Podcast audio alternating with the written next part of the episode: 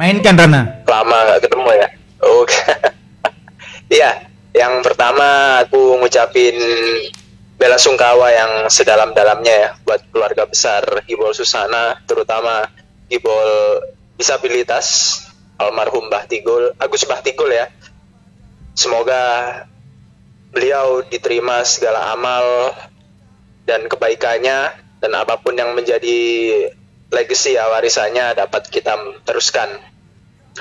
Kedua, ucapin get well soon ya, get speedy recovery buat sahabat kita juga Kasat, Lan, Kasat Lantas ya Polres Kabupaten Sampang yang lagi injured. Kemudian aku juga ngasih doa buat teman-teman yang lainnya yang sekarang lagi dengerin mungkin mas, lagi injured karena situasi yang sulit ini ya semoga lekas pulih. Yang ketiga tadi malam ya launching bersamaan dengan El Pulga Lionel Messi Supremo sudah dapat stadion anyar ya bersama Aulia Media TV ya bos. AMTV congrats selamat ya semoga semoga makin jaya kemudian makin bermanfaat dan Amin, Rana. kita semua sebagai gila bola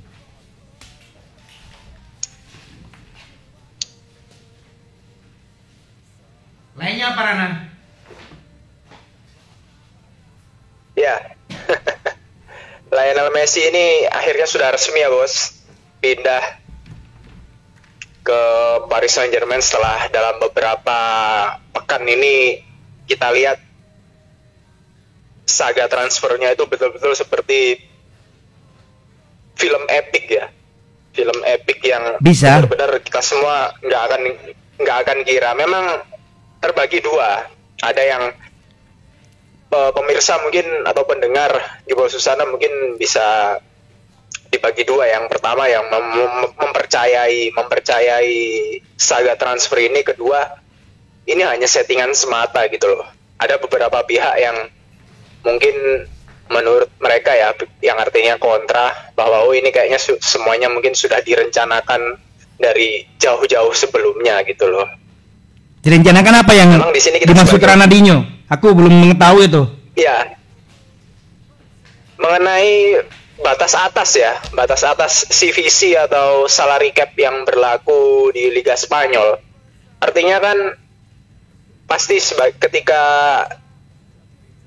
Juan Laporta, presiden yang presiden Barcelona yang akhirnya terpilih kembali, kemudian datang ke kantornya, kemudian melihat sampah banyak sampah-sampah berserakan di sekitaran Camp Nou, dia coba bersihkan pelan-pelan pelan dan menuju terciptanya lingkungan yang bersih itu pasti memang harus ada yang harus ada yang dikorbankan, harus ada yang dibuang. Dan salah satunya yang paling paling menjadi titik fokus utama adalah mengenai finansial dari klub FC Barcelona itu sendiri Hmm. Sepertinya ada yang tidak beres dengan dengan apa ya manajemen dari Jose Maria Bartomeu kemudian sebelumnya Sandro Rosell Itu yang aku belum tahu Rana. Juan Laporta Bagaimana pada saat kampanye Presiden Anyar Barcelona meyakinkan semuanya, terutama supporter fanatik Blaugrana Barca, Messi nggak akan ke mana-mana.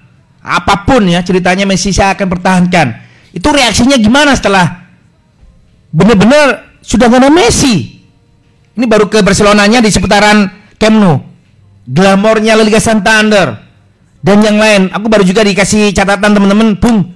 Misteri sepak bola. Sergio Ramos El Clasico selalu sangat sibuk menjaga ke mana pun King Leo berlari membahayakan gawangnya Iker Casillas dulu. Itu loh Bung, misteri sepak bola. Sekarang Ramos bersamaan dengan Messi di tim baru.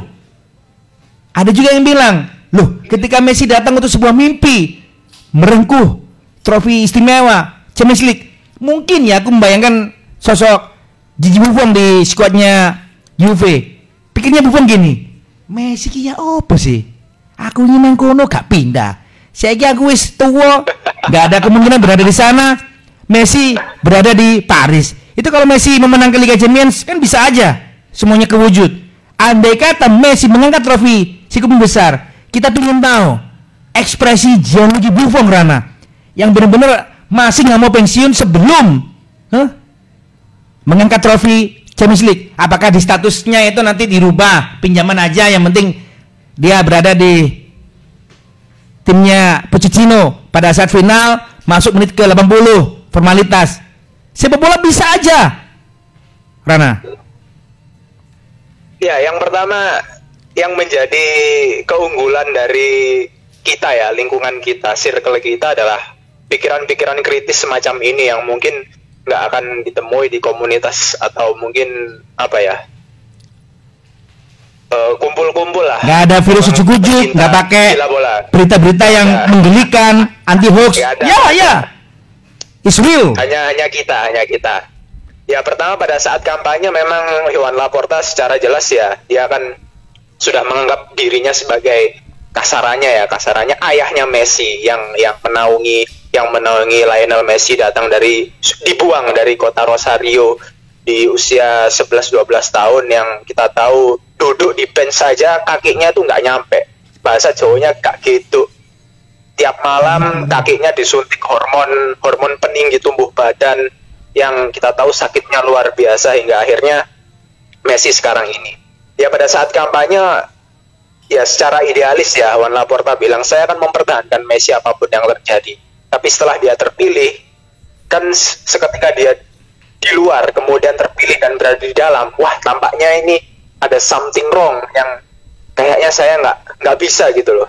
Karena pertama aturan payung batas atas dari CVC La Liga ya salary cap yang mengharuskan bahwa klub harus berada dalam posisi batas aman ya. Neraca keuangannya baik itu secara pengeluaran dan juga pemasukan. Dan hal ini yang melihat yang dilihat oleh Juan Laporta wah aku nggak bisa nggak bisa apa namanya nggak bisa mewujudkan apa yang saya janjikan apa yang saya janjikan dan menjadi bahan kampanye kepada sosios member Barca menjadi pemilih saya voter saya gitu loh.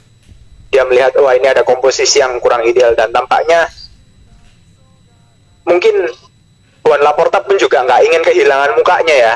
Tampaknya sounding ya announcement dari Messi nggak bisa di nggak bisa diperpanjang. Kemudian ada beberapa hal yang tampaknya berlarut-larut kan endingnya kan menunggu Messi setelah Copa America. Dan setelah Copa America preseason preseason minggu 1 2 3 4 berjalan hingga akhirnya Barcelona resmi putus berpisah dengan Lionel Messi kan sebagai dua orang ya antara pihak Messi dan juga pihak Laporta sebagai klub pasti mereka ya sudah tahu mengenai mengenai apa namanya aturan semacam ini gitu loh. Dan saya lihat juga Messi ketika press conference menyebutkan saya sudah menurunkan budget saya ya hingga sampai 50% dan kemudian Barcelona tidak meminta saya lagi dan artinya ya Laporta tampaknya sudah memikirkan dari skenario semacam ini gitu loh yang kita semua yang kita semua mungkin bagi yang bagi yang berada di luar di luar epicentrum Nou, wah merasa kaget lu kok bisa gitu gini gini dan lain-lain. Kemudian masalah hak siar Liga Spanyol yang kita tahu setiap tahun-tahunnya mungkin nanti Nomo Monterrey bisa bantu juga dan saya juga, juga sudah pernah berdiskusi dengan Nomo di beberapa waktu yang lalu mengenai ada ketimpangan ya ketimpangan mengenai pembagian hak siar La Liga yang tampaknya masih didominasi oleh duo El Clasico dan juga mungkin Atletico Madrid ya di, di urutan ketiga. Dan hal ini yang nampaknya ketika dilanda pandemi virus corona ini kita lihat bahwa aktivitas transfer duo El Clasico ini relatif adem ayem memang yeah, mereka sedikit yeah. lebih ramai tapi kita lihat bahwa harga yang dibeli itu relatif nol relatif bener-bener minim gitu loh tapi Barca masih punya PR dalam artian restrukturisasi gaji dari seluruh pemain bintangnya. Bayangkan hmm. seorang An An Antoine Griezmann kurang lebih bergaji 600 ribu hingga 700 ribu euro per minggu. Kita lihat Usman Dembele yang glassman ya manusia kaca ketika sekali cedera pecah ambiar gitu loh gajinya aja sudah 300 ribu euro per minggu yang dalam artian setara dengan Paul Pogba Anthony Martial yang ada di United untuk sekelas Dembele yang sering cedera gitu. Kemudian Real Madrid juga yang kita tahu Alaba, David Alaba pun juga datang secara gratis ketika Yes. Dia ingin mimpi berduet dengan sang matador Sergio Ramos dan Rafael Varane. Akhirnya pupus. Mereka berdua pergi dan tampaknya Real Madrid gak akan mencari pengganti dan tetap pada stay to the plan Nacho Fernandes dan Eder Militao. Yang kita tahu bahwa Nacho Fernandes masih ada kurangnya karena dia postur back dia tidak ideal tidak tinggi. Eder Militao juga beberapa musim kesulitan beradaptasi sering blunder juga ini membuat David Alba wah kayaknya saya salah timing sebenarnya kepindahan Messi juga ke PSG masih menyisakan beberapa riak ya. Yang pertama, apakah PSG ini kok kayaknya seperti belut yang licin apalagi dihadapkan dengan UEFA Financial Fair Play. Kita tahu bahwa dalam beberapa waktu terakhir klub di Ligue 1, Ligue 2 di Prancis mempermasalahkan mengenai kondisi keuangan klub ya yang yang semenjak masa pandemi ini semua hampir semua klub di Prancis berteriak. Karena juga distribusi hasil yang yang kurang rata tidak tidak seperti Premier League yang besar gitu. Bahkan klub seukuran Sheffield United tiap satu musim aja mampu beli pemain dengan harga 100 juta pounds yang itu membuat iri dari klub pengikut liga di seantero Eropa saya sih juga memang mengutip dari sahabat kita juga ya Tommy Welly yang di akun YouTube-nya ya, akun personal videonya dia bilang jangan sampai deh PSG ini juara Liga Champions. Kasihan nanti akan ada stigma opini opini negatif ya bahwa Liga Itu anti mainstream. dibeli. Saya menyukai statement-statement seperti itu bagaimanapun ya. Money power untuk sepak bola nggak bagus. Nggak bagus. Ya, saya sangat setuju. Saya sangat setuju, Bos. Pertama gini, eh, sepak bola itu memang komposisinya harus seperti Liga Jerman ya. 49% bisnis, 50% klub, 1% harus ada elemen supporternya sebagai entitas benar-benar penikmat dan juga penjaga dari klub itu sendiri. Karena tanpa fans, siapa yang mau beli merchandise? Siapa yang mau bon abonemen tiket musiman siapa yang mau beli apa namanya eh pernak-pernik klub dan lain-lain memang pada saat waktu belakangan ini Hasan Salihamisik ya atau yang dianggap akrab dikenal akrab dipanggil Brazzo juga sebenarnya kita pun iri dengan klub-klub Premier League dengan pembagian hak siarnya tapi kami harus juga mempunyai jalan kreatif seperti itu sendiri Nah, saya juga melihat musim depan ini yang mungkin akan yang akan menonjol ya dalam terutama aktivitas keuangannya jelas klub Liga, Liga Liga Inggris. Kita tahu bahwa yang terakhir kan Man City tag 100 juta pounds terhadap Jack Grealish, kemudian Chelsea yang me buyback Romelu Lukaku dengan harga kurang lebih 120 juta pounds itu kan juga hal-hal yang wih gila. Sampai kayak gitu ya. Hmm. dulu kita ingat pemain paling mentok lah. 40 50 sekarang sampai segitu. Benar-benar harga yang fantastis. Mereka mere- memang mem- mereka iri tapi sebenarnya untuk ke depannya memang nggak baik lah nggak baik nggak baik buat Begini Rana, ekosistem dari sepak bola itu sendiri. Hari ini aku harus merilis ya cerita Messi menuju ke Paris Saint-Germain, klub kaya raya. Buat yang belum tahu, bagaimana ini? Rinciannya duit yang diterima King Leo, Lionel Messi, La Pulga, gaji diterima Messi di tim barunya bulan ini ya, hitungannya per detik 18.500 rupiah. Per detik. Alhamdulillah Ran, Ran. itu satu bungkus satu bungkus ayam goreng itu bos. Sebentar. Alhamdulillah aku masih bisa baca. Ya sisa umurku loh. Bisa baca masih yang ngiler netes netes 18.500 rupiah per detik bayarannya Messi di PSG dua itu yo.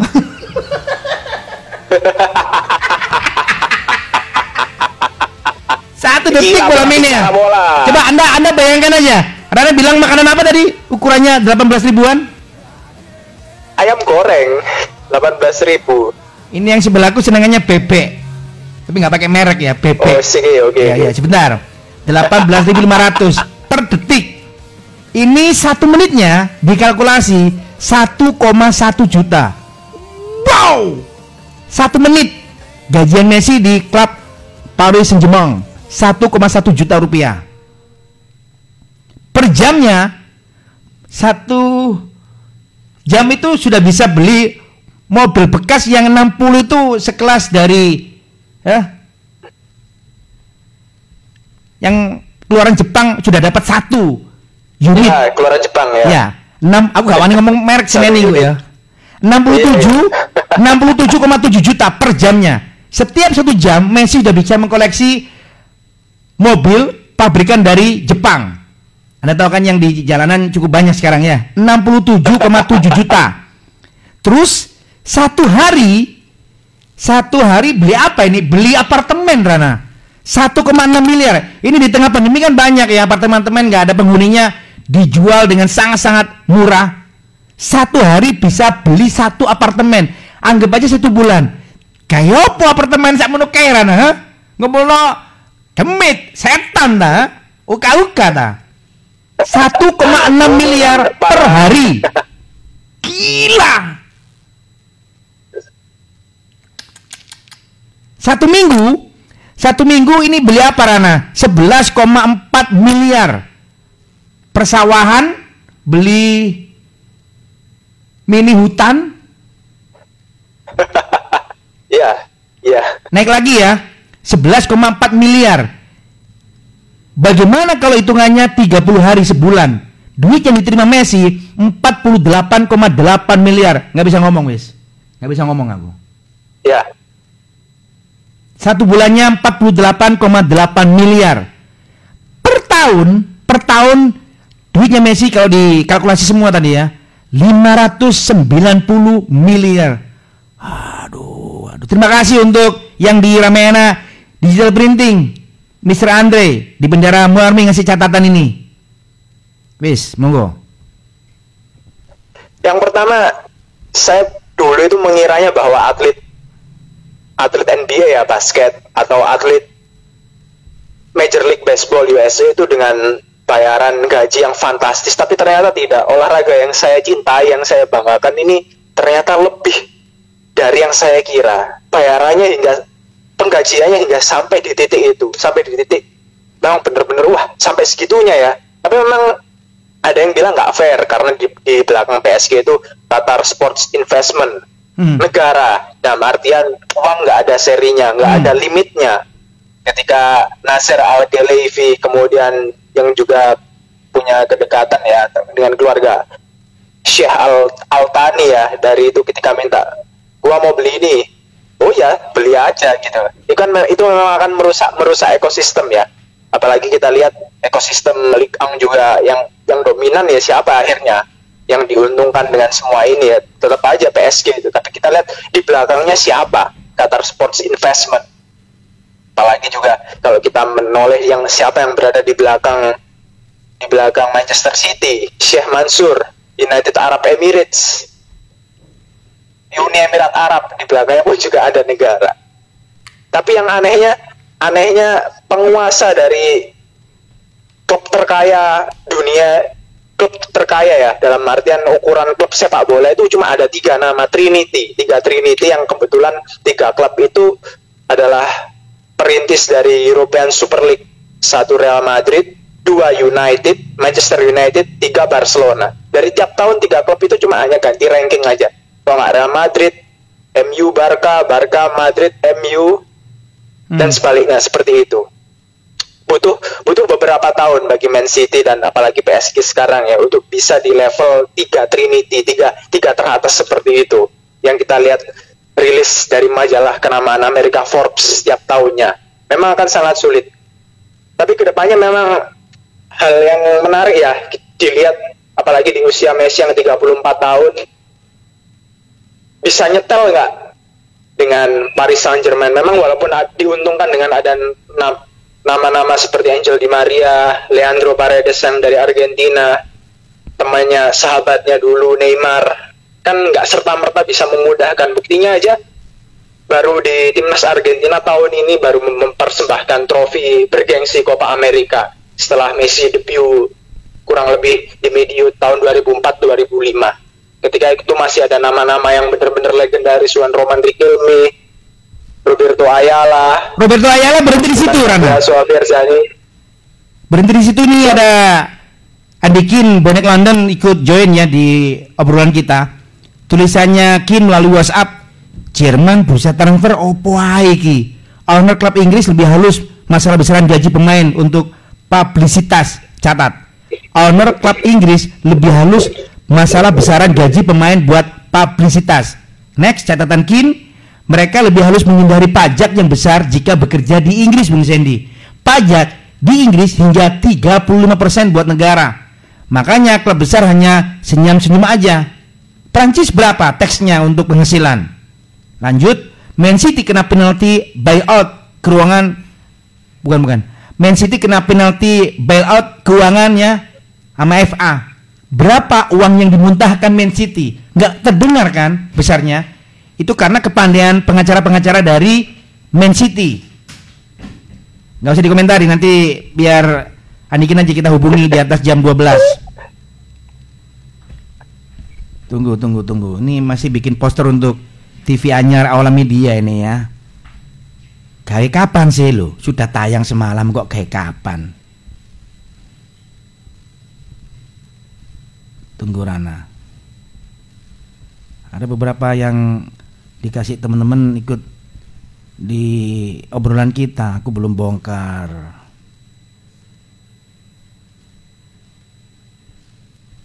Ini dapat respon dari yang terhormat Kasat Lantas Sampang AKP Ayib Rizal. Terima kasih Bung Sendi. Doanya juga Bung Ranadinho sudah enakan. Mungkin kurang olahraga lari siangnya Wih, dongane kini langsung mlebu nang ngene rogoe kacamata sampang waras Rana. Alhamdulillah. Hendrik Jompong di Pandaan meskipun libur catatan yang dikasih GS bikin aku hari ini lebih lebih segar. Nama Menterai Edwin Ranadinho Bung Sandy nanti pilihannya ke Piala Super Chelsea kalahkan Villarreal Lukaku Beng Lukaku kayaknya nggak bisa turun ya terlalu cepat ini untuk berada di line up. Posisinya kurang lebih Lukaku berada di Monaco sambil menunggu proses registrasi dan penyelesaian dokumen transfernya ke Chelsea. Ya kita tegaskan untuk yang membagi protagonista bagaimana Piala Super nanti jam Dua tayangan di SCTV Lukaku belum masuk timnya Thomas Tuchel meskipun dia pernah berada di Chelsea. Itu yang dikasih Ronaldinho paling keras berarti si pemain lagi holiday ya di Monaco Prancis Rana. Iya. Lagi ngumpet dulu deh, ngumpet dulu. Dan Chelsea membeli membeli Romelu Lukaku kan karena statusnya home ground. Hmm.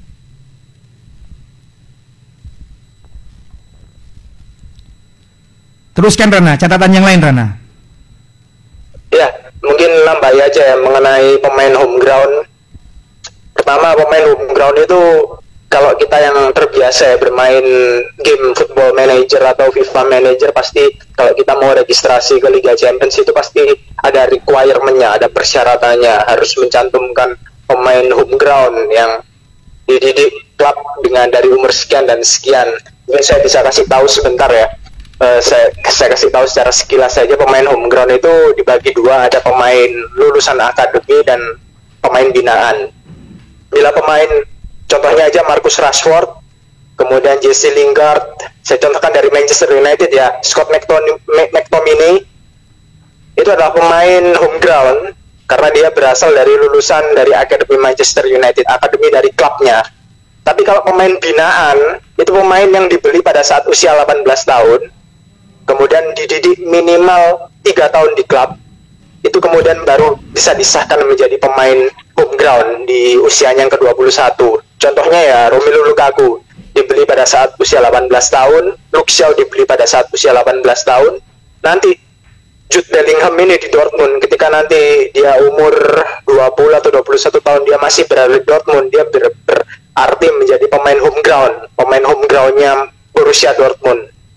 Ya itu home ground home ground by club home ground oleh klub kalau pembelian United ke Jadon Sancho Bayern Munchen mengincar membeli Leroy Sané dan Serge Gnabry itu adalah home ground by nation home ground melalui uh, melalui kesamaan warga negara.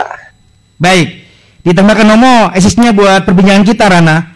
Gajian La Pulga King Leo Messi satu minggu sudah bisa mengkoleksi Ferrari paling anyar satu minggu Ferrari paling anyar seminggu kita sampai mati mah jangan pikir ke sana ya Ferrari you know Lukaku berpeluang minggu depan diperkenalkan. Nah, ini menarik ya ketika diperkenalkan apakah statusnya skuad Tuchel sudah mengkoleksi trofi anyar Piala Super Eropa? Aku nggak yakin. Aku nggak yakin. Itu 90 menit kemarin game lawan Man City skornya berapa? Chelsea memenangkan Liga Champions. satu nol satu nol kan kayak Havertz 90 menit kan antitesis antitesis dari klub-klub Britania Raya ini kan adalah ketemu klub sepak bola Eropa daratan. Mainnya lebih rapat, lebih pendek, dan temponya pun lebih cepat. Tapi pendekatan dari klub sepak bola Eropa daratan ini adalah non fisik ya, nggak seperti fisikal, nggak seperti terlalu fisikal seperti Premier League gitu loh. Saya nggak tahu nih gimana catatan head to head bagaimana Unai Emery sebagai bos Villarreal. Benar pelatihnya Unai Emery ya, Villarreal. Iya, kalau Unai Emery rekamnya kan dulu pernah di Arsenal kan setidaknya dia nah itu tahu Chelsea itu bagaimana enggak, dengan dengan The Blues polos-polos banget pertemuan dengan pelatih siapa ketika itu skornya intinya aku masih yakin tim dari Inggris banyak kesulitannya menang 90 menit lawan klub La Liga Santander. Percaya nggak percaya kita akan cermati nanti pukul 2 tayangan di SCTV. Nomo ini Bung Sandy rekor yang pernah terjadi Piala Super Eropa 2015 Sevilla Barcelona 9 gol di sana 9 gol Barcelona Sevilla Piala Super Eropa 2015 margin kemenangan terbesar 2006 Sevilla libas Barcelona 3-0 2012 Atletico Madrid kalahkan Chelsea 4-1. Pernah Chelsea dilukai Atletico Madrid 4-1 bola ini ya. Jadikan referensi ini. Chelsea pun juga pernah Ya, Chelsea pun juga pernah kalah dari Bayern Munchen ketika itu Mourinho comeback melawan Guardiolanya Bayern Munchen.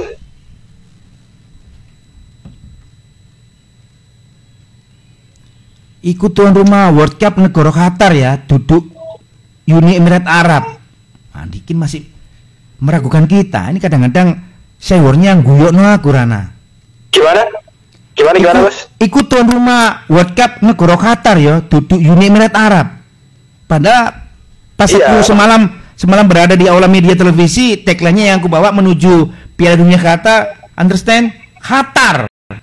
Ya, bukan Uni Emirat Arab. Guyon aja isian.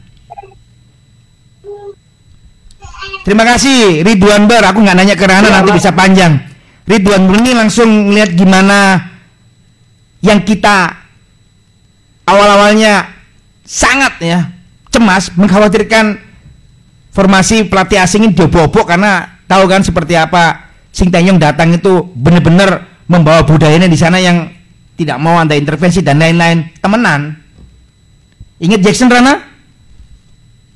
Ya ingat, masih ingat. Saya terekam, masih terekam jelas. Ya Jackson nggak mau diintervensi soal pemilihan pemain dan lain-lain ini terulang di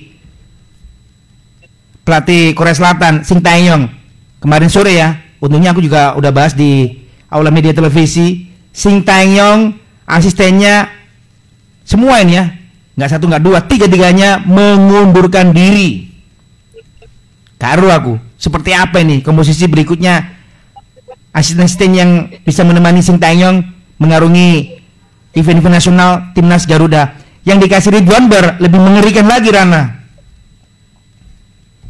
Ono berita Bung Sandy www.indosport.com judulnya nggak ada aku ngamuk bung. Opo-opoan. Delok ranking FIFA ta.